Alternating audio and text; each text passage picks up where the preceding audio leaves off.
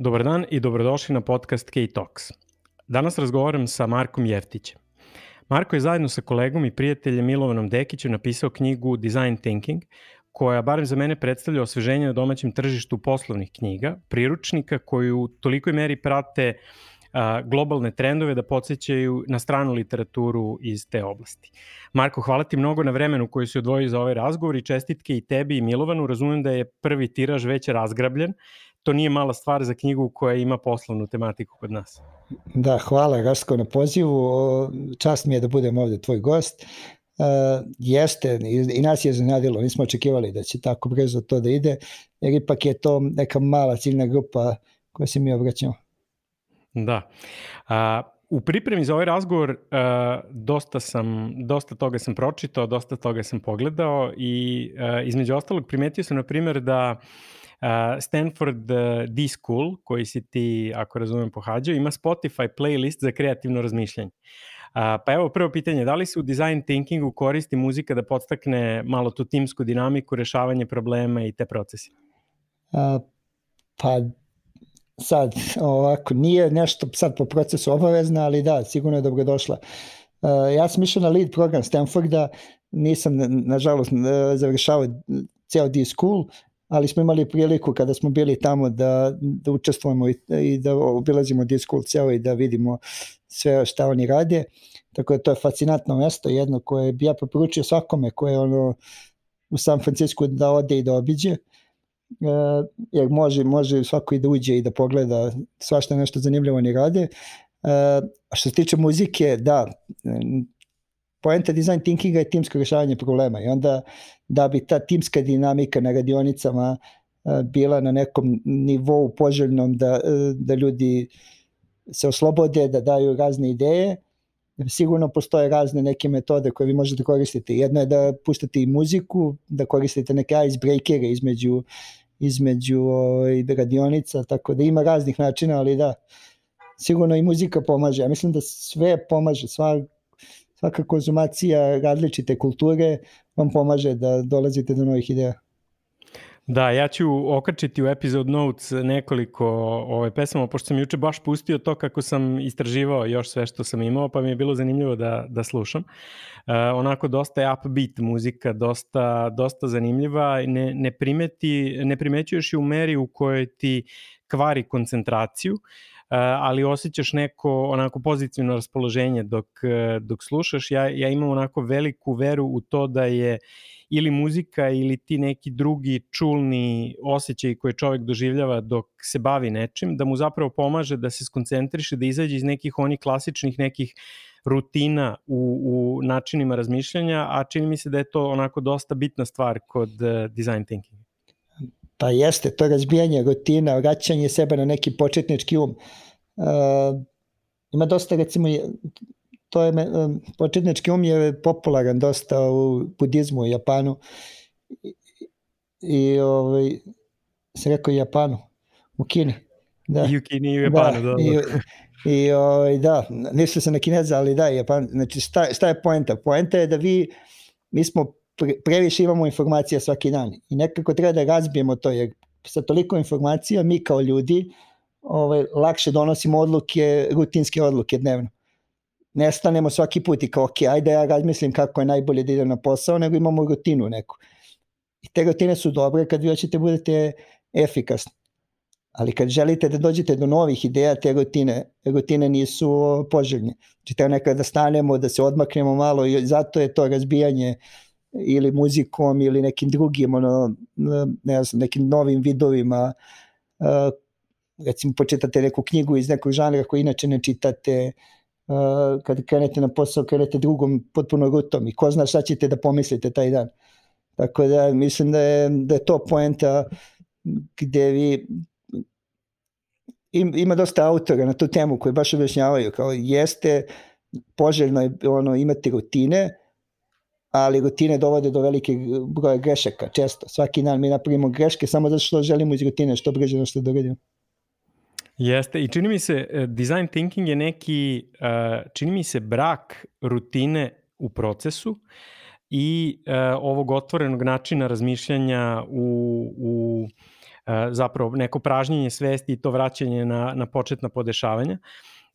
I to mi je jedan od, od utisaka. Evo, hteo sam da podelim možda još par utisaka koje imam u, u vezi sa knjigom. Jedan mi je uh, možda ključni mislim da mi je, oko njega imam jedno pitanje da ti postavim, a tiče se kako, kako, kako ste došli do, ne do ideje da napišete knjigu, to sam čuo na, na drugim mestima, nego da li je u pripremi ove knjige bilo nekog design thinkinga s vaše strane? I zašto te to pitam? Zato što moj utisak je da, naravno, knjiga ima jedan jasan, rekao bih čak učbenički flow. Znači idemo kroz uvod, imamo onda faze design thinkinga, imamo primere u njima, imamo utvrđivanje gradiva na, na kraju svake od tih lekcija, ali uh, knjiga ima, svaka knjiga ima jedan ritam. I čini mi se da je ritam ove knjige, barem za mene, izgledao tako da kada krenemo od abstraktnih pojmova i uvoda, taman kad ti pojmovi meni barem krenu da se kuvaju po glavi, odmah nakon toga knjiga mi ne dozvoljava da preterano odem u, u, u visine i u abstrakciju, nego odmah kreću neki konkretni primer. Je li to by design ili, ili ne? Uh, Pa jeste, da, šta smo mi radili? Mislim, mi smo, naravno, pročitali smo dosta materijala vezanih je, za design thinking knjiga, dosta njih smo referencirali i preporučili za dalje čitanje.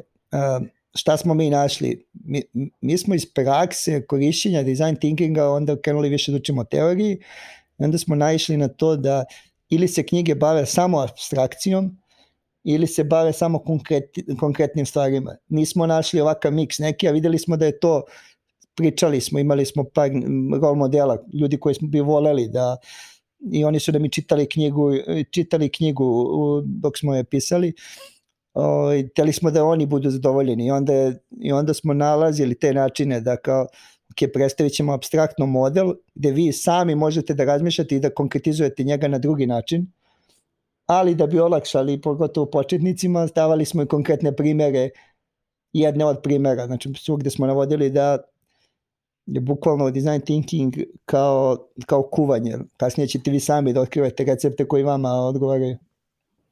Da. A imamo ovde jedno bitno pitanje, ako, ako jeste bilo i, i, i te namere u svemu tome, a, ti si neko ko sigurno prolazi kroz, a, prolazi češće nego, nego ja ili češće nego možda naš redovni slušalac kroz ovaj proces. Pa jel postoje neki delovi tog procesa koji su ti omiljeni, koje voliš a, posebno i neki koje možda ne voliš toliko? Da, pa nekako smo mi bili podeljeni, ono, pošto je Milovan kolega koji je pisao sa mnom knjigu, uh, on je user researcher, on vodi user research tim u Nordeusu i uh, bio je asistent na, na sociologiji, na političkim naukama i on je više bio okrenut tom testiranju korisnicima i, i tome, a meni ono omiljeniji deo je dolaženje do tih novih ideja na brainstormizima, tako da nije da ne volim ja i ove drugi delove, uh, ali nekako je ono prirodnije, prirodnija je podela, tako da to i pravljenje tih nekih brzih prototipa da validiraju hipoteze neke, to je recimo ono što, što je mo, meni najdraži deo kad radimo design thinking, pošto ne, ne samo ono brainstormingi koji ostanu na idejama, nego i, i neka način da se te ideje posle validiraju kroz pravljanje nekih brzih prototipa.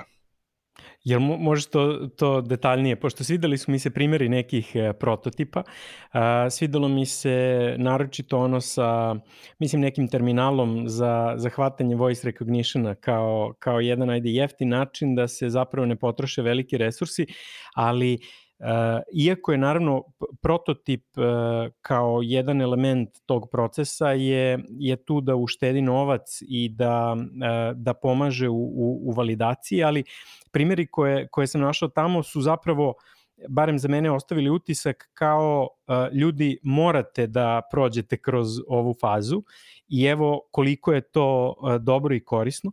Ali onda kada sam ja pokušao za neke probleme koje sam sam pokušavao da rešim kroz ovaj proces, nisam uspevao da pronađem tako lako neki prototip koji, koji bi odgovarao uh, problemu. Kako? Možeš malo dublje da, da uđeš u tu, u tu analizu? Da, teško je. Ovaj, šta je teško? kod fizičkih proizvoda je malo lakše. Ali kod usluga, kod uh, iskustava je dosta teže da vi simulirate deo iskustva. I ovaj, šta smo mi radili? Mi smo stvarno se, uh, recimo za snimanje neke od reklama sa Morinjom, mi smo imali role modeling neki koji je ono, stavljali smo tu scenu sa fiktivnim uh, ljudima, u stvari doveli smo jednu glumicu koja je posle glumila u tom spotu, da bi mi svi osetili da li to stvarno može, to je bio jedan prank koji smo radili, koji stvarno je stvarno bio prank ovaj, za Euro 2016. Uh, gde smo doveli čistačicu koja je zezala neke youtubere, znala je više futbolu od njih, a imala je slušalice. I onda je ovaj, i samo to da mi vidimo da li će bude smešno pre nego što uđemo u tu produkciju, produkcija skupa, rizično je bilo da li će Mourinho stići u Londonu, znači mnogo je, mnogo je to veliki poduhvat bio da bi mi bez ikakvog validacije otišli u to. I onda kad smo osetili, kad smo pustili to korisnicima, kad smo videli prvo da se oni smeju na, na te neke reakcije pre nego što smo mi ovaj, odradili to, e, tako da to ću kažem, kod proizvoda, bilo digitalnih, bilo fizičkih, mislim da je lakše, jer možete napraviti neki prototip kroz neki clickable, sad postoji dosta tulova, dali smo i linkove za to, da vi možete, ne treba programer, vi možete napraviti website, aplikaciju iz četiri klika i da, da vidite kako to izgleda da date nekom, da naruči proizvod. Međutim, kod iskustava, kod usluga, to, to je kompleksnije, Ali to isto opet može da se rešava kroz radionice. Znači opet se skupe ljudi i kao, ok, ajde kako mi da napravimo prototip. I to bude tema radionice gde ono, ajde da izvučemo sve najluđe ideje kako bi mi došli.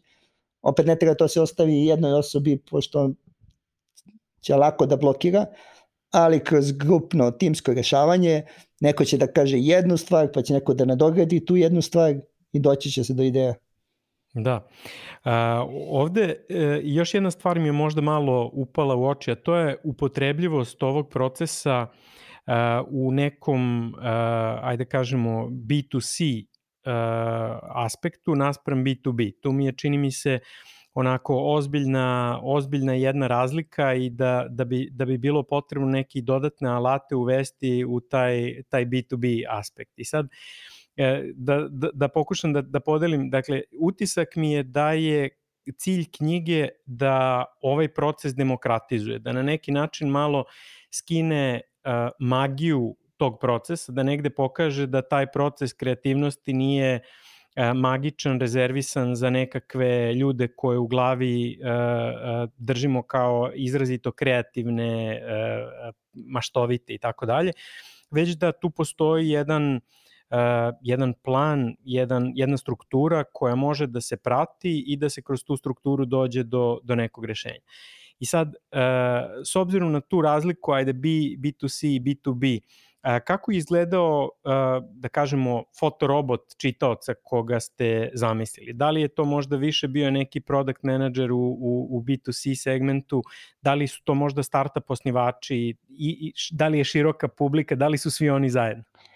Ja, jeste, to je zanimljivo pitanje. Uh, jesmo, znači primarno smo mislili da će ovu knjigu da čitaju uh, ljudi iz tog nekog startup IT uh, okruženja. Zato što imamo dosta ljudi sa odličnim tehničkim znanjem, ali mislim da im je ovo, ovo falilo, to posmatranje korisnika, razumevanje korisnika i slično. I mislim da tu kao zemlja, kad pogledamo koliko mi imamo ljudi u IT-u koji on, radi neki outsourcing ili rade šta, ako malo bolje budu razumeli korisnika, mislim da će lakše doći do end proizvoda sami odavde. I to nam je bila vodilja i tako smo i radili user testing. Naravno, knjiga je primenjiva i za, i, za tradicionalne firme i za mislim da je primenjiva za svakoga, samo eto, to nam je bila primarna publika i hteli smo od njih da krenemo i njima je namenjena knjiga najviše. Druga stvar koja je namenjena, znači obično ti ljudi misle ja znam samo da programiram, ja znam samo ovo, nisam kreativan, hteli smo razvijemo taj tabu, jer stvarno verujemo da smo svi kreativni, ne postoji čovjek koji nije kreativan. Mislimo da neko možda ograničava sam sebe sa tim ono, rutinama, pretpostavkama i to i onda smo to hteli da razbijemo, a ovaj proces kao design thinking vam omogućava da vi razbijete to, da kažete ok, ja ne znam ništa, ajde da slušam korisnik šta će kaže ja ne znam ništa, ajde ovo i onda kao ok, pa vidi, on je rekao to, 1 plus 1, evo 2, kao ima smisla, evo ja sam kreativ. Bukvalno se to dešava, ja sam vidio ljude kod kojih se to dešava, uđu, kao ja ne mogu da pomognem ništa, kao evo svi smislite to, na kraju ta osoba da najbolju ideju. Da. Uh, jedna od stvari koja mi je zapala za oko je to koliko je ovaj proces univerzalna stvar. Dakle, koliko je uh, moguće primeniti ga u raznim industrijama, to smo već uh, negde i obradili. Moram da kažem da čak i u tradicionalnim industrijama koje su dosta uslužno orijentisane, ovaj proces može da ima svoju primjenu. Dakle, raznorazni problemi mogu da se, da se rešavaju kod njega. Ali ono što sam hteo da te pitam je da li vidiš neku razliku u određenim aspektima ili fazama ovog procesa u zavisnosti od toga da li su ti korisnici ljudi iz Srbije, ljudi iz nekog drugog kulturnog podneblja, ljudi iz, iz Amerike i da, da možda preciziram, uvek će mi ostati u glavi uh, jedan primer user testinga iz Japana kada su oni pokušali tamo da, da počnu da prodaju voćni jogurt i sad Uh, to je naišlo, sve fokus grupe su rekli da je fantastično, to je trebalo da bude ovaj mega proizvod, međutim nikoga nije kupovao. Oni prosto imaju običaj da za sve što im se ponudi kažu da je da je dobro zato što su tako malo malo drugačiji. Da li takav neki tip možda mentalitetskih razlika uh, zahteva određene korekcije, modifikacije ovog procesa ili on univerzalan bez obzira na, mentalitet? Proces je univerzalan, drugačiji će insighti biti po, po tržištima, znači bukvalno ja imam kolege sa, sa Stanforda s kojima smo umreženi smo dosta i baš diskutujemo iz Japana, iz, ne znam, iz Afrike, ok, tamo iz te Silicon Valley, naravno najveći broj, ali i svi primenjuju i svi su otišli i ono i kući su odneli kao design thinking da ga promovišu, da se pričaju o njemu i dolaze stalno sa nekim idejama i proizvodima šta su napravili no univerzalno, zato što vi krećete od razumevanja i bez pretpostavki. I na primjer, mi tamo objašnjamo isto da nije bitno šta ljudi kažu, bitno šta rade, to je primjer za taj dešava se, mi smo imali isto dosta, dosta fokus grupu u životu, dešava se, ljudi pričaju jednu stvar, kad vi pogledate šta su oni uradili, stvarno ono to je druga stvar. Jer, ok, svako želi da se nekad predstavi u drugom svetlu, čak neki ni ne znaju da se predstavljaju u drugom svetlu, oni stvarno misle da oni to rade tako, a kad pogledaš ono podatke, pogledaš ovaj, e, nama je pričao, sad ja ne znam da li je to ovaj, skroz tačno ili ne, ali da s neki, e, e, s neki fokus grupa i došlo do ovih kampanja za Jafu gde se prave gde se prave od ovog pakovanja, kako se zove, prave različite oblike igre, kao da to vide, videli su ljude na fokus grupama koji su pričali svašta, ali na kraju su se svi zanimali sa tim. Omotno i pravili nešto i oni su na osnovu toga došli do, tako da treba se gleda šta ljudi rade.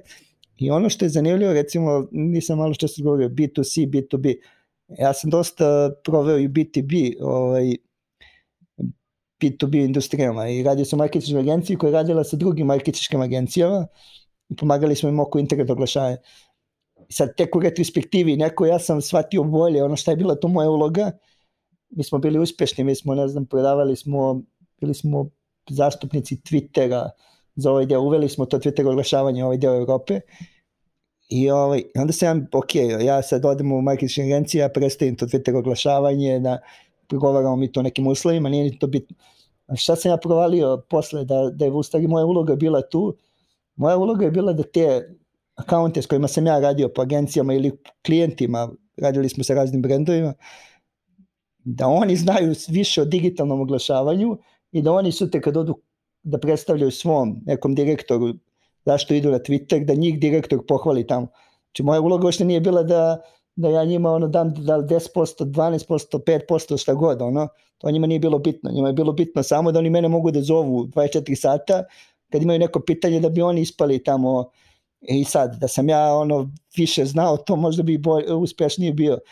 Ali u retrospektivi sam skontao, kad sam ja počeo da gledam šta su oni radili u stvari, Znači svi su oni radili sa mnom ne zbog uslova, nego zato što sam kao 24 sata im bio dostupan za svako pitanje, imalo veze sa ovim, nemalo, ja mogu da im odgovorim i onda je Tako da i u B2B industriji razmislite koji vi posao završavate nekome. Ima taj Jobs to be done framework i njega smo pisali dosta. Pokojni sad e, Clayton Christensen je ovaj, pisao dosta autor knjige e, e, Innovators Dilemma je pisao dosta o njemu, on je stari predavao i dao je primer milkshake koji je sad čuveni primer kao da i to je ono što se dešava. Znači ljudi krenu od toga ja ću da napravim bolji proizvod. Ali ne razmišljaju šta znači bolji. Bolji ne znači ono imam više ukusa, veći je i slično. Jer to je ono product oriented, ja samo razmišljam kako je proizvod, ne znam, raznovrsniji i veći, ne, bolji znači bolji za korisnika i onda u ovom slučaju to značilo skroz nešto drugo, samo je trebalo da se promeni ovaj, da se promeni slamčica, da bi ljudi mogli sporije da ga kada je neko shvatio da milkshake završava posao ljudima koji idu ujutru na posao, da mogu sve vreme nešto da srču, on je samo ono usporio to srkanje i ono produžio vreme koje njima kao traje milkshake. Tako da to je to, kad razmišljate user perspektivi dolazit ćete do toga šta vi njima tu treba da pomognete i onda ćete da dolazite do takvih rešenja. Jeste, jedan od, e, to, to mi je bio sjajan primer zato što je dosta vezan sa jednim a, procesom za koji mislim da je, da je bitno svakome u biznisu da ga razume. E, ima autora koji to nazivaju mentalni modeli i jedan od tih čuvenih mentalnih modela je a, mapa nije isto što i teritorija. To je, mi uvek imamo mapu, mapa je uvek aproksimacija onog nekih naših saznanja i uvek je uvek ima određene mane, s tim što su te, neke, te mane nekad fatalne, nekad uh, nefatalne, nekad je ta mapa korisna, nekad nas potpuno odbaci na, na pogrešni trag i u suštini uh, zaključak tog nekog modela je bolje uh, nemati mapu nego imati lošu mapu u suštini. I to je ovde kod, kod tog primjera sa milkshake-om izuzetno bilo, bilo povezano i zapravo e, primer koji, koji možda pre nego mnogi drugi koje sam, e, koje sam slušao e, ili koje sam čitao e, menjaju svest i menjaju perspektivu ljudi o tome kako, kako da razmišljaju o problemu. Ali i u tom delu opet razmišljam da li bi svako od nas bio dovoljno, imao dovoljno dubok uvid u neki takav problem da, da prepozna koliko je uh, kako, kako naterati sebe u razmišljanju da izađeš iz tog nekog uh, konvencionalnog okvira razmišljanja? Kako ti to radiš? Uh, naravno, svako od nas ovaj, nije loše imati svo to preznanje i pretpostavke i to. I nekad nam nije ni bitno. Nekad je bitnije doneti odluku brzo nego da li odluka najbolja, teoretski najbolja. I to je, to je sve normalno. I sad, kojom ću ja rutom da idem na posao, meni je to rutina, neću da razmišljam, neću gubim vreme, ono više ću da izgubim vreme na razmišljajući o najboljem rešenju nego da stignem na posao i treba da shvatite da koji problem stari design thinking reša.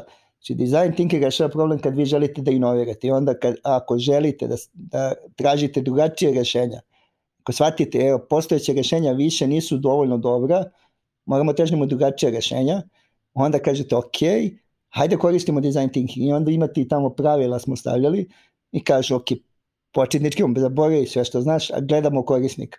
I ajde gledamo, ajde je, mislim, Top 11 je globalna igra, mi pričamo sa korisnicima iz celog sveta. Uh, imamo korisnika koji je veoma engageovan, da tako kažem, znači dosta je aktivan u community iz Brazila. I malo, malo pa ja i on pričamo preko Facebooka ja slušam njega, slušam, ja ne kažem, važi, ali slušaj ti ovo, nego ja samo slušam i kažem jeste, hvala, slično, ali kroz njega ja dobijam ono, neku perspektivu koju ja nemam, niti ja živim u Brazilu, niti imam takav internet, niti imam toliko godina, malo je mlađi od mene, tako da niti imam toliko prijatelja u tom community u koliko on ima. I onda mi daje neku perspektivu koju, koju meni treba kao game lead u top 11 da ja skontam ono i to, to je jedan primer. Onda drugi primer, primeri su i odavde, čak korisnici iz Beograda sa kojima uh, ja i vidim, pa imamo user research team koji to aktivnije radi. Tako da ono, zavisi šta mi treba. Ako mi treba da, da sad kao neka drugačija perspektiva, hoćemo, ne mora uvek da se inovira. Znači ne mora uvek design thinking da se koristi. Nekad je, ja sam dao primer, ja, kad prošlo leto je bilo, bio je haos, da su znali, ono, iskupali su ovde sve po gradu, knjez, ono, radili su kod, kod uh, na trgu isto. I onda meni je bio haos da došao kako ću na Novi Beograd. Kupio sam električnu biciklu tako što sam jedno večer nakupujem, prodajem SEO video, nisam ni video prije toga električnu biciklu u životu. I o, ovaj, nisam ni znao kako radi skroz, ono, znao sam da nešto asistira pedaliranje i tu došla mi je, ja sam završio svoj problem i nisam ja mogao smišljati toplu vodu tu. Međutim, kada, kada imate potrebu da uh, kada želite nov proizvod, ja mislim da vi uvek morate krenete sa otvorenim umom.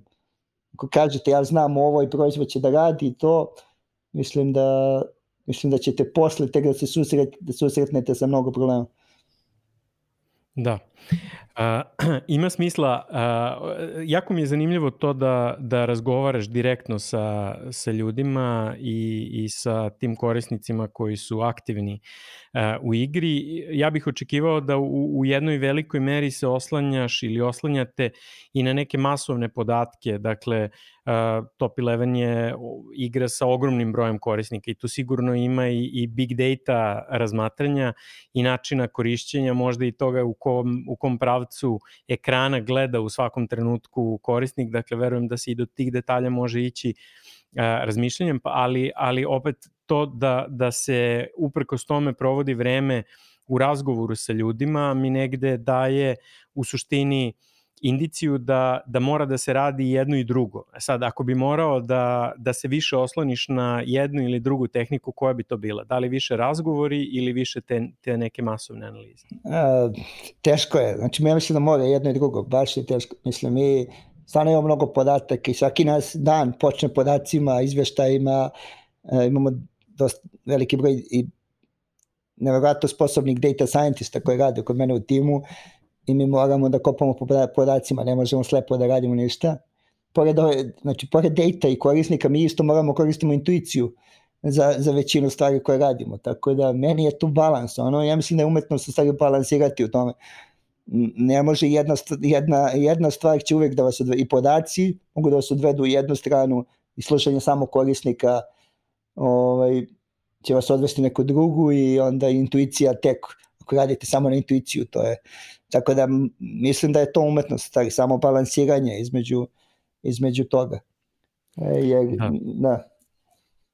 Da, to, to, to je dosta zanimljivo, to me još baca u razmišljanje, ali me navodi na, na sledeću temu koju bih hteo da, da prođemo.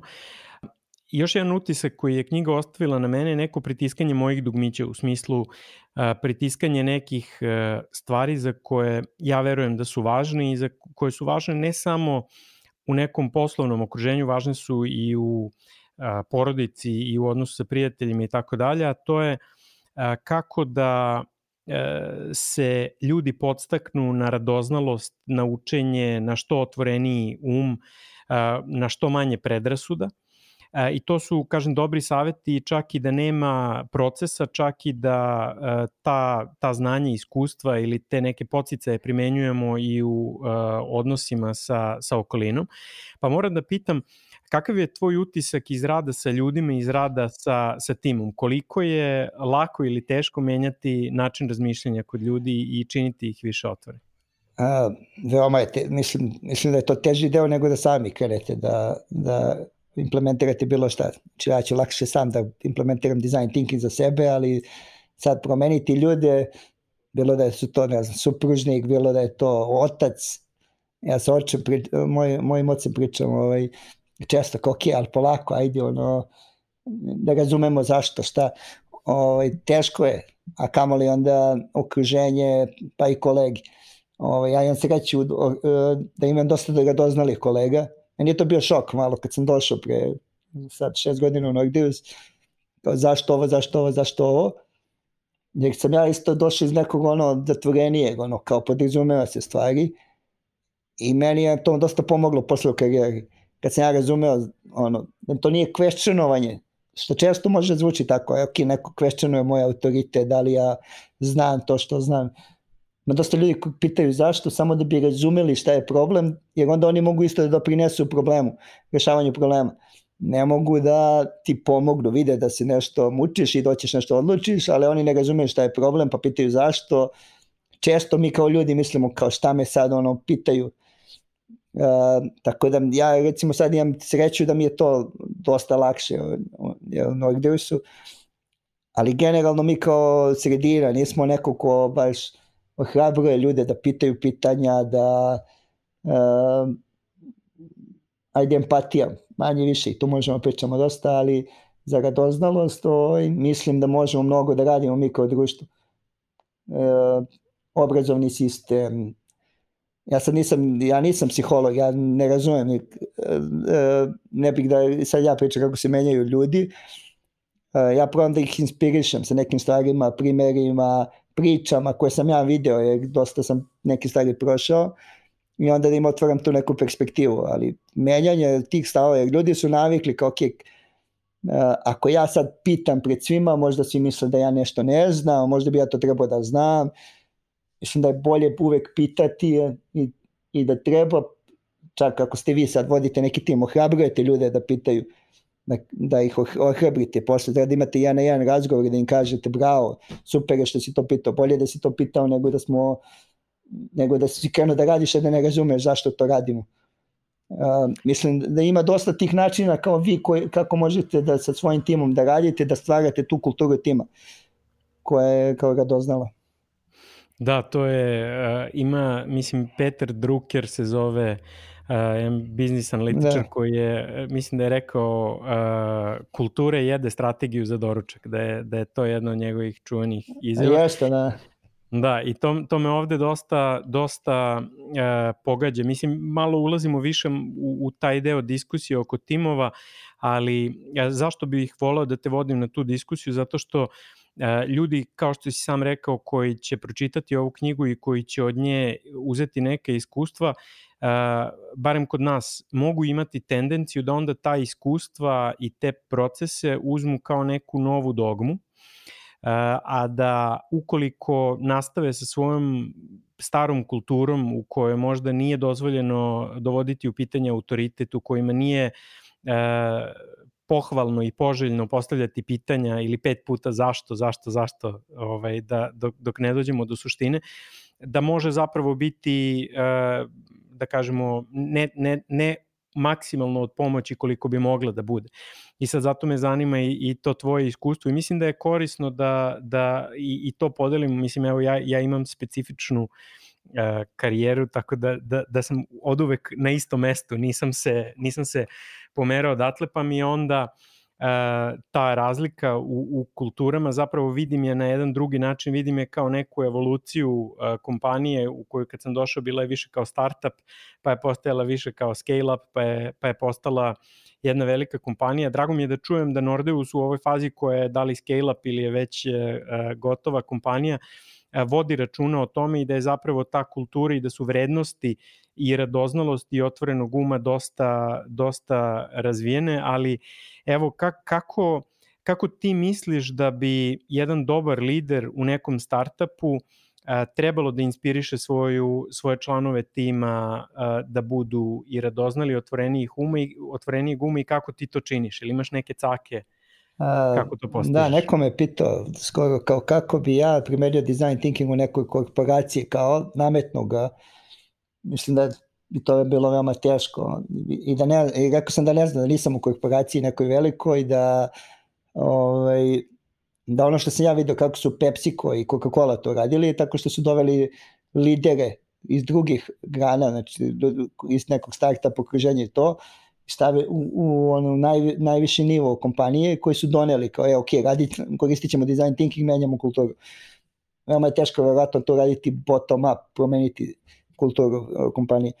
Uh, ono što, što bih ja rekao, znači uvek svaki tim treba da ima neki shared beliefs i to treba da se priča otvoreno o tome, kao ok, u šta mi verujemo kao tim, šta mi podržavamo kao tim, šta mi ne želimo da vidimo u timu.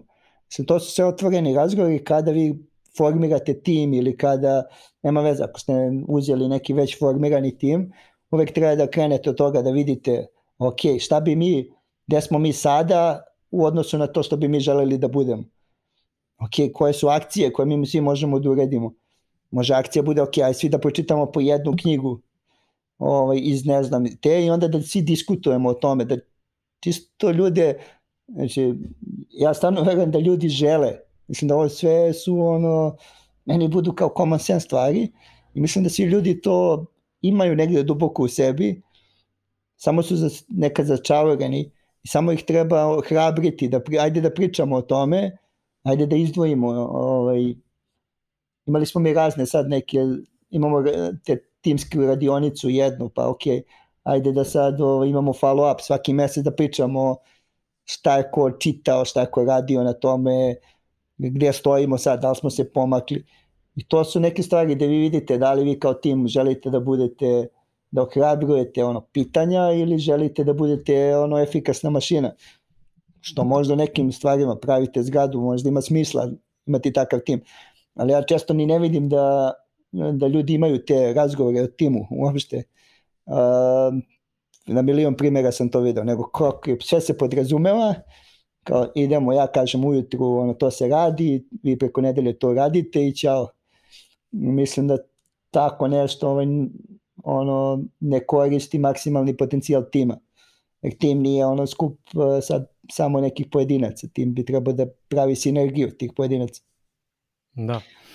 Uh, jedna od stvari koja, koja čini mi se nedostaje kod nas, a, u vezi je sa ovim što si pomenuo, to je uh, valjda zbog toga što, što je ovaj prostor bio uh, izgrađen na jednoj, jednom obrazcu, da kažemo, organizacija društvenog samoupravljanja i sve su bile a, vrlo slične. Nakon toga smo imali neki period tranzicije koji verovatno još i, i dalje traje, ali dobre stvari startup kulture još uvek nismo do kraja usvojili. Jedna od tih stvari je imati da kažemo razvijen product management, odnosno razvijati kulturu product ili proizvodnih menadžera u kompaniji i umesto toga e, imamo fokus ili više možda na engineering ili više na prodaju i a, kada pogledamo iskustva mnogih kompanija koje su propadale, koje su failovale u inostranstvu, obično su failovale ili su stagnirale zato što su bile fokusirane preterano ili na jedno ili na drugo. I čini mi se da jedna mala ili velika promena, a to je uvođenje nekakvog malo više multidisciplinarnog tima koji nije samo okrenut prode ili samo okrenut proizvodnji može da napravi neka čuda. Kako tebi to izgleda kada uporediš neku konvencionalnu i, i malo nekonvencionalnu industriju? Da, pa ima još jedna, jedna mi imamo recimo i veoma bitnu ulogu, pored produkt menadžera ima i dizajner, kod nas mi imamo specifičnu industriju, pa to je dizajner kompjuterskih igara, dizajner iskustava, to može bude i UX dizajner. Mislim da ta, to je tek ovo je pocenjeno. Product manager manje više, ali mislim da je ovo tek pocenjeno. A kombinacija tih svih rola je ono što daje rezultat. Znači imati nekoga ko će samo da razmišlja o korisničkom iskustvu, nekom ko će razmišlja o performansama, proizvodima korisnika, ipak je product manager više okrenut na te biznis stvari, Uh, tako da mislim da bez multidisciplinarnog tima čim je jedna e, struja jača mnogo, ovaj, obično se to ne završi opet sa tim maksimalnim iskorišća, iskorišćenjem potencijala. Treba imati, ok, inženjering pogled, jer često mislim, sad, sad zavisi, znači isto u kojoj ste vi fazi, neka će više da povuče jedna stvar, kao ako ste na R&D fazi, pustit ćete malo inženjere da da dođu do nekih ono rešenja koja su možda tehnička, ali to je recimo i glavni problem koji nekad napravimo. Ne shvatimo u kojoj smo fazi i ne shvatimo koju hipotezu mi validiramo. Znači, te, često te se desi, mi ajmo startup da napravimo, da li možemo mi da napravimo tehnički. To je prvo problem koji ljudi rešavaju najčešće, to je najpogrešnija stvar i to je ovaj, toliko često da je ono šokantno da niko nije ovaj, niko nije napravio neku retrospektivu da ono pogleda nekad, da izgoogla. Ono, I to bi trebalo stoji kao prva greška koju bilo koji startup pravi. Pogotovo ako im, in, in, već ima inženjere o, o foundere. Zato što šta, šta je tu problem? Ovaj, uh, ako vi ne znate da li će nešto da daje vrednost korisniku, možda rešavate pogrešan problem sve vreme. I možda se lomite par meseci da vi napravite ne znam kakvu aplikaciju koja će da radi ne znam šta, što na kraju nikoga nije briga. I ovaj, možda je to trebalo samo da prvo da validirate, ako jeste, ok, ajmo onda sad tehnički da mi pro, vidimo kako ćemo to da napravimo. Ajmo sad R&D kad znamo da će to da pravi... Uh, slušao sam ovaj poslednji podcast, uh, citirao si knjigu Scale, recimo meni ona bi isto bila odlična knjiga. Većina tih problema budućnosti traže design thinking. Znači, bukvalno vape za design thinking pristupom ono, ajde da se okrenemo korisnicima i ajde da razmišljamo ovaj, o trendovima zajedno sa korisnicima. I ajde da razmišljamo šta je, ima, ima jedan ovaj startup u Beogradu, um, lako parkira, mislim da se zove, koji pokušava da, znači jedan od problema je su parking mesta i to će u budućnosti to niko ne zna kako će da izgleda, šta će se dešavati sa, ok, ako imamo self-driving car, da li on može da se odveze negde van grada i dođe ujutru 8 po mene i onda me vozi na posao. Možete mi ne treba možda parking mesta, džabe sam ga platio u stan, kao u garaž. Znači, e, e sad, o, ovaj startup recimo pokušava, to je dobro, dosta, dobar korisnički problem. Sad ima tu dosta poteškoća kako smo mi zemlje, ali pokušavaju da reše to, da recimo u centru grada sad je teško, nemoguće ostaviti auto na jedan dan ceo, osim da ako platiš kaznu. A imamo slučajeve da, recimo, ja živim na Dorčilu, bit ću na, danas ceo dan na Novom Beogradu na poslu, moje parking mesto je 8 sati prazno, zašto ga ne bi on, ja izdao nekome na 8 sati taj dan samo. I onda su oni napravili aplikaciju, napravili, povezali su se garažama, još bolje primjer je recimo Mercator. I meni je fascinantno da te kompanije još nisu zvale njih, To je zato što tamo izgleda niko ne razmišlja o, o tome. Znači oni imaju na Novom Beogradu ono, celu noć im stoji taj parking prazan. Tu ima toliko ovaj, građana pored koji, kako se zove, nemaju gde parkiraju auto. Da, Zašto da, da. im oni ne bi dali da oni noću, ono, ceo mesec plate, nije problem samo parama, oni bi rešavali super problem hm. tim korisnicima koji ja verujem da ne bi izlazili iz Merkatora onda preko dana. Jer ono, bilo bi prirodnije, već mi auto tamo, idem tamo da kupim, Uh, eto, to su sad neki primjeri. Recimo, taj primjer parkiranja i tih driverless automobila jeste jedan od primjera budućnosti i posebno sa prenaseljenošću i kao sa tim kao kako će se menjati gradovi u budućnosti, mislim da ljudi sad treba da razmišljaju o takvim stvarima. Da, pa evo iz mog iskustva, ja sam poručio nekoliko knjiga da bih podelio kolegama da za neke probleme koje oni imaju, da bi krenuli da razmišljaju na, na taj način. Iskreno, veliki, ve, veliki razlog za to je broj primera koji se daje u knjizi koji pokazuju ono razmišljanje out of the box, jer to je izuzetno bitno, a u suštini šta je najlepša stvar u tome, to je što razmišljanje out of the box nije rezervisano za uh, neke magične, hipertalentovane ljude, nego je vezano za jedan proces. I sve dok možemo da, da sve dok smo osvešćeni u glavi da takav proces postoji, sve dok imamo nekoliko dobrih primera, osjećamo jedan, jednu vrstu pritiska u našem radu koji kaže uh, nisi, iskreno, nisi glup, nego si možda lenj. Hajde malo provedi vremena, uh, pročitaj nešto, pogledaj nešto, razgovaraj s nekim, uh, sedi, brainstormu i zalepi uh, nalepnice na, na whiteboard i, i napravite neki plan i vidjet ćete da će nešto iz toga da izađe.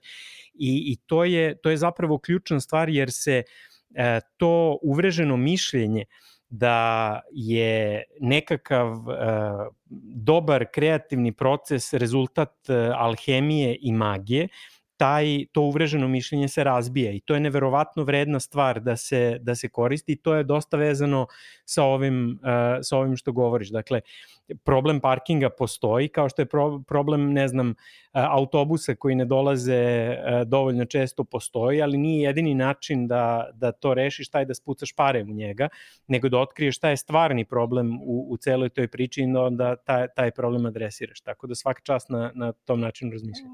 Hvala. Da, taj primjer za parking smo uzeli od Rorija Sutherlanda. On je recimo jedan od fascinantnih likova koje ono ja mogu stalno da čitam nešto novo što ili da ga gledam na Znači isto morate sami da, a to je radoznalost, ono, sami morate da pratite, da se inspirišete. Ja sam dao primjer jedne knjige koja je meni bila o, fascinantna, to je taj uh, univerzitet, stao mi je mozak, ali nije ni bitno. Uglavnom, Warren Buffett je u pitanju i sad e, čovjek je pisao knjigu koju je nazvao kao univerzitet njegovog fonda. Sad mi je stao mozak kako se zove fond Warrena Buffetta. Uh, Berkshire, Berkshire Hathaway. je, da. jest. O, ovaj, šta on radio? On je kupio jednu akciju njegovog fonda i onda je išao, sa tom akcijom je mogao da prisustuje skupštine akcionara i onda on beležio sve, onda yes, se to stavio u knjigu. I ta radoznalost je meni fascinantna, da ti si to bio spreman da radiš, ti si stvarno onda i zaslužuješ da posle napraviš nešto. Ima jedna druga primjer, jedne knjige koje smo na kraju izbacili zove, uh, Curious Mind se zove. Knjiga sad nije nešto ono najocenjenija na, na Amazonu i ostalima, ja sam slušao audio knjigu, pitanje je jedan, jedan ovaj hollywoodski producent, on je čak i Oskarovac. Um, šta je on uradio? On je pisao kako nikad ništa nije, nikad, nije u čemu nije bio ovaj, bolji od drugih, samo je bio radoznaliji od, od svih. A Curious Mind. I on je pričao, i to je on, stega on je ovaj, radio ovaj Brilliant Mind, kako se zove ovaj film što je odobio Oscara. Da, da, znam, ali zaboravio sam da. ovaj, australijanac glumac. Da, da, da. jest. E sad, šta je, ja, ja sad dosta slušam knjiga i čitam i one ne mogu više autore, teško mi je da, da se popamtim, nego pišem, ali ovaj, šta je fora sa tom knjigom? On kaže, prvi posao je dobio tako što je slučajno čuo slučajno je čuo da je neko dao otkaz i on je zvao tu firmu, taj studio još, ne znam kada je to bilo, 60-ih, 70 zvao je studio i kaže, ja sam čuo da više nemate tog i tog, pa mogu ja da dođem da radit ću džavi. E, I, ovaj, I sad u njegovoj knjizi on kaže, ja sam toliko bio doznao da sam ja ono morao da imam ručak sa nekom random uspešnom osobom iz bilo koje industrije, jedno mesečno, da vidim kako su oni uspešni, šta su radili. I to ga na kraju dovelo da je pričao sa dosta uspešnih ljudi. Uspeo je da ruča sa Fidelom Castrom, ne znam, sašto. I onda on priča šta je od njih, on, on je pisao sve. Ali to da vi sad uzmete, ja na LinkedInu da, da sad dodam nekoga iz ne znam, dakle me interesuje kao ok, ajmo sad, kao idemo na ručak, samo pričamo, se upoznamo da vidim šta ona radiš ok, za, im, svi mi imamo neku barijeru, sad kao da li imamo vremena, da li šta će ovaj pomisli, kao ne, ono, ajde samo odemo na ručak da pričamo, ono, ja ću se ono inspirisati, ti ćeš se vratno inspirisati nekim mojim ono, idejama i kao idemo dalje, ono, sledeći mesec ću ručati s neki drugi. Znači on je to radio i onda je sumirao i on meni isto pristup knjizi više nego sama knjiga i sad sadržaj unutra bio zanimljiv. Je, ne, taj primer sa, sa odlascima na skupštine Vorena Buffetta meni takođe, znači potpuno sam, potpuno sam uh, fasciniran. Inače, postoji jedna čitava subkultura u poslu oko uh, ideja, razmišljanja Vorena Buffetta i tako dalje, koja je onako vrlo, vrlo magična i za koju svako mislim treba da, da odvoji neko vreme da je, uh, da, da je prostudira. Ono što je meni palo na pamet dok sam te slušao, to je uh, ne znam, nedavno je isplivao ovaj kao izgubljeni intervju sa Steveom Jobsom neposredno posle njegove smrti gde negde na početku on kaže da je sa 12 godina pronašao broj telefona Bila Hewletta iz uh, Hewlett and Packarda i, i ga, ja. jeste, zvao ga, tražio neke delove, ovaj mu je dao posao i, i tako je verovatno se rodila i radoznalost je tu postojala, ali tako se, tako se rodila varnica koja je napravila uh, potpunu pometnju u celoj industriji. Jeste, jeste, vidio sam to. Vidio. Steve Jobs je fascinantan bio. Ove, ovaj, ima isto sad ne mogu se sjetiti da li smo gostili u knjizi, mi smo skačivali knjigu na kraju, pa smo dosta primjera izbacivali, ali ovaj, primjer je isto kako je on tražio da se testira prvi ovaj Apple Store. Mislim da smo ga ostavili. Znači on je tražio, ne, moramo da imamo prototip. I oni su uzeli jedan hangar i I onda su poređali kompjutere na jedan način, onda on došao i rekao, ovo je katastrofa, znači ovo su inženjeri, stavljali ono oznake, redosled, kao ne, iskustvo, ajmo, i oni su, oni su radili prototip radnje, to pre toga niko nije radio. Ok, ajde sad u hangaru i sad dok ne napravimo da to izgleda kao iskustvo koje će stvarno da od, oduva ljudi. I onda sami znate kako je sad iskustvo kad odete u Apple Store. To je fascinantno, ono, ulazite, sve vam prilaze, sve belo. Da, a pored, pored iskustva je to, ja mislim, najveći promet po kvadratnom metru Jeste, u da. retail objektu na Jeste, svetu. Da. da. Da.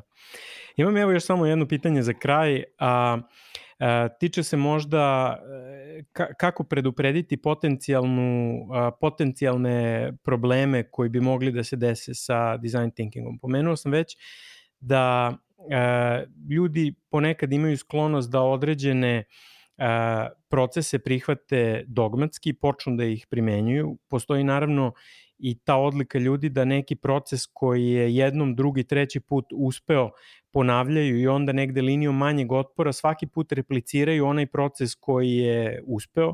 Kada se uz to ovaj, ubaci problem da kažemo, donošenja odluka od strane najviše plaćenog ili najbolje plaćenog čoveka u sobi, čini mi se da, da, da se stvaraju problemi ili izazovi u, u funkcionisanju i sad on, ono što mi se svidelo u knjizi to je što nijedan uh, aspekt procesa nije dogmatizovan. Za svaki je rečeno ovo može da funkcioniše kod vas, ali može i ovo, ali može i ovo i prosto postoji toliko toga što, bi, što biste mogli uh, da probate. Ali zanima me šta bi, uh, šta, šta bi bio dobar uh, ajde da kažemo, higijenski potez da jedna organizacija obezbedi da ne ulazi u tu rutinu čak i kada su ti procesi možda, možda dobri? Da, pa kod nas ni, jednom, ni jedan put mi ne uredimo neke sve stvari isto. Znači svaki put je nešto promenjeno. O, to je taj iterativni pristup. Design thinking jeste iterativni pristup o, i kako je između faza, tako i ono i implementaciji. Znači jednom ćete urediti stvari na jedan način, naučit ćete, ok, ovde smo potrošili mnogo vremena, ono, vretili smo se u krug. Mislim da ima, ima tamo neki stvari koje smo rekli kao saradljivost, u redu je da failujemo, ako vi to uspete da iskomunicirate i da se svi složite i kažete, ok, ajde sada pokušamo, i ajde sad šta smo naučili, šta je bilo dobro, šta je bilo loše, ajmo sad još jedno da pokušamo shodno ovih, o, ovom učenju. Znači jedino tako ćete vi da uvek počnete sa tim, ajde da se dogovorimo šta će nam bude cilj. I kad smo završili sve, prošli smo svih pet faza, ok, kako je bilo, šta smo mogli bolje, ajde sad da bi naučili, znači nema ono, ja to često kažem mi, um, ljudima, kada bi sve bilo samo proces driven, moj posao ne bi ni bio ono, potreban. Znači, ok, ono, ajde samo implementiramo procese ja ću se sklonim i ono, svi nek rade po procesima i to je lako. Mislim da nije u praksi, svi znate da nije sve to tako lako i da nama trebaju smernice, negde nam i trebaju procesi, ali nam ali nam trebaju iteracije, treba nam poboljšanja, treba nam ono da budemo iskreni šta ne radi. Dešavaće se da brainstorming gde će to neko ko ima najvišu platu da bude najvokalniji, da ono možda kaže, e, ok, nemoj te, te ideje, to nećemo da radimo.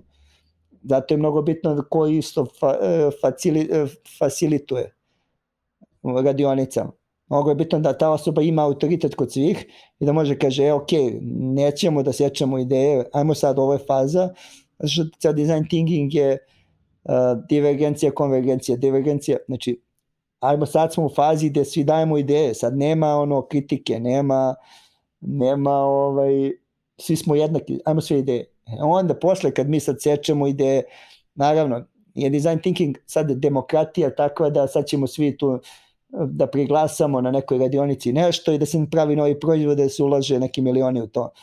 Nije to poenta design. Poenta design thinkinga je da dođe do, ok, evo imamo prototip za ovo i problem, ovo radi, ajmo sad, imamo mi dalje ro, e, funkcije u firmi, dalje će neki CEO da odluči da li mi hoćemo da investiramo u taj proizvod ili nećemo I to treba da se zna isto na početku. Nije ovo sad stvar koja će sad napravi ovo firma u kojoj svi imaju podjedna glas u svemu.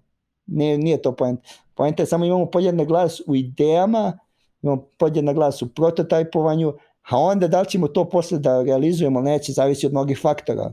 Ovo je kompleksno vođenje firme da bi tako bilo jednostavno. Jasno, mislim da je ovo ovaj super poruka za kraj u suštini. Uh, ako mogu da, da, da sumiram, a to je e, negde iz uvoda knjige u suštini radimo jedan proces koji ima faze divergencije, imamo delove koji rade ka konvergenciji ili ali, analiza i, i, i sinteza. I uh, umesto jednog koraka analize i jednog koraka sinteze, ovde se oni razbijaju na neke druge korisne korake i svaki od njih sa nekim korisnim, korisnim alatima koji mogu da pomognu praktično u svakom biznisu, pa eto još imam preporuke za one koji nisu još uspeli da, da dođu do svog primerka da, da dobiju u, u drugom izdanju, a tebi mnogo hvala za ovaj razgovor. Hvala, Josko, još jednom na pozivu.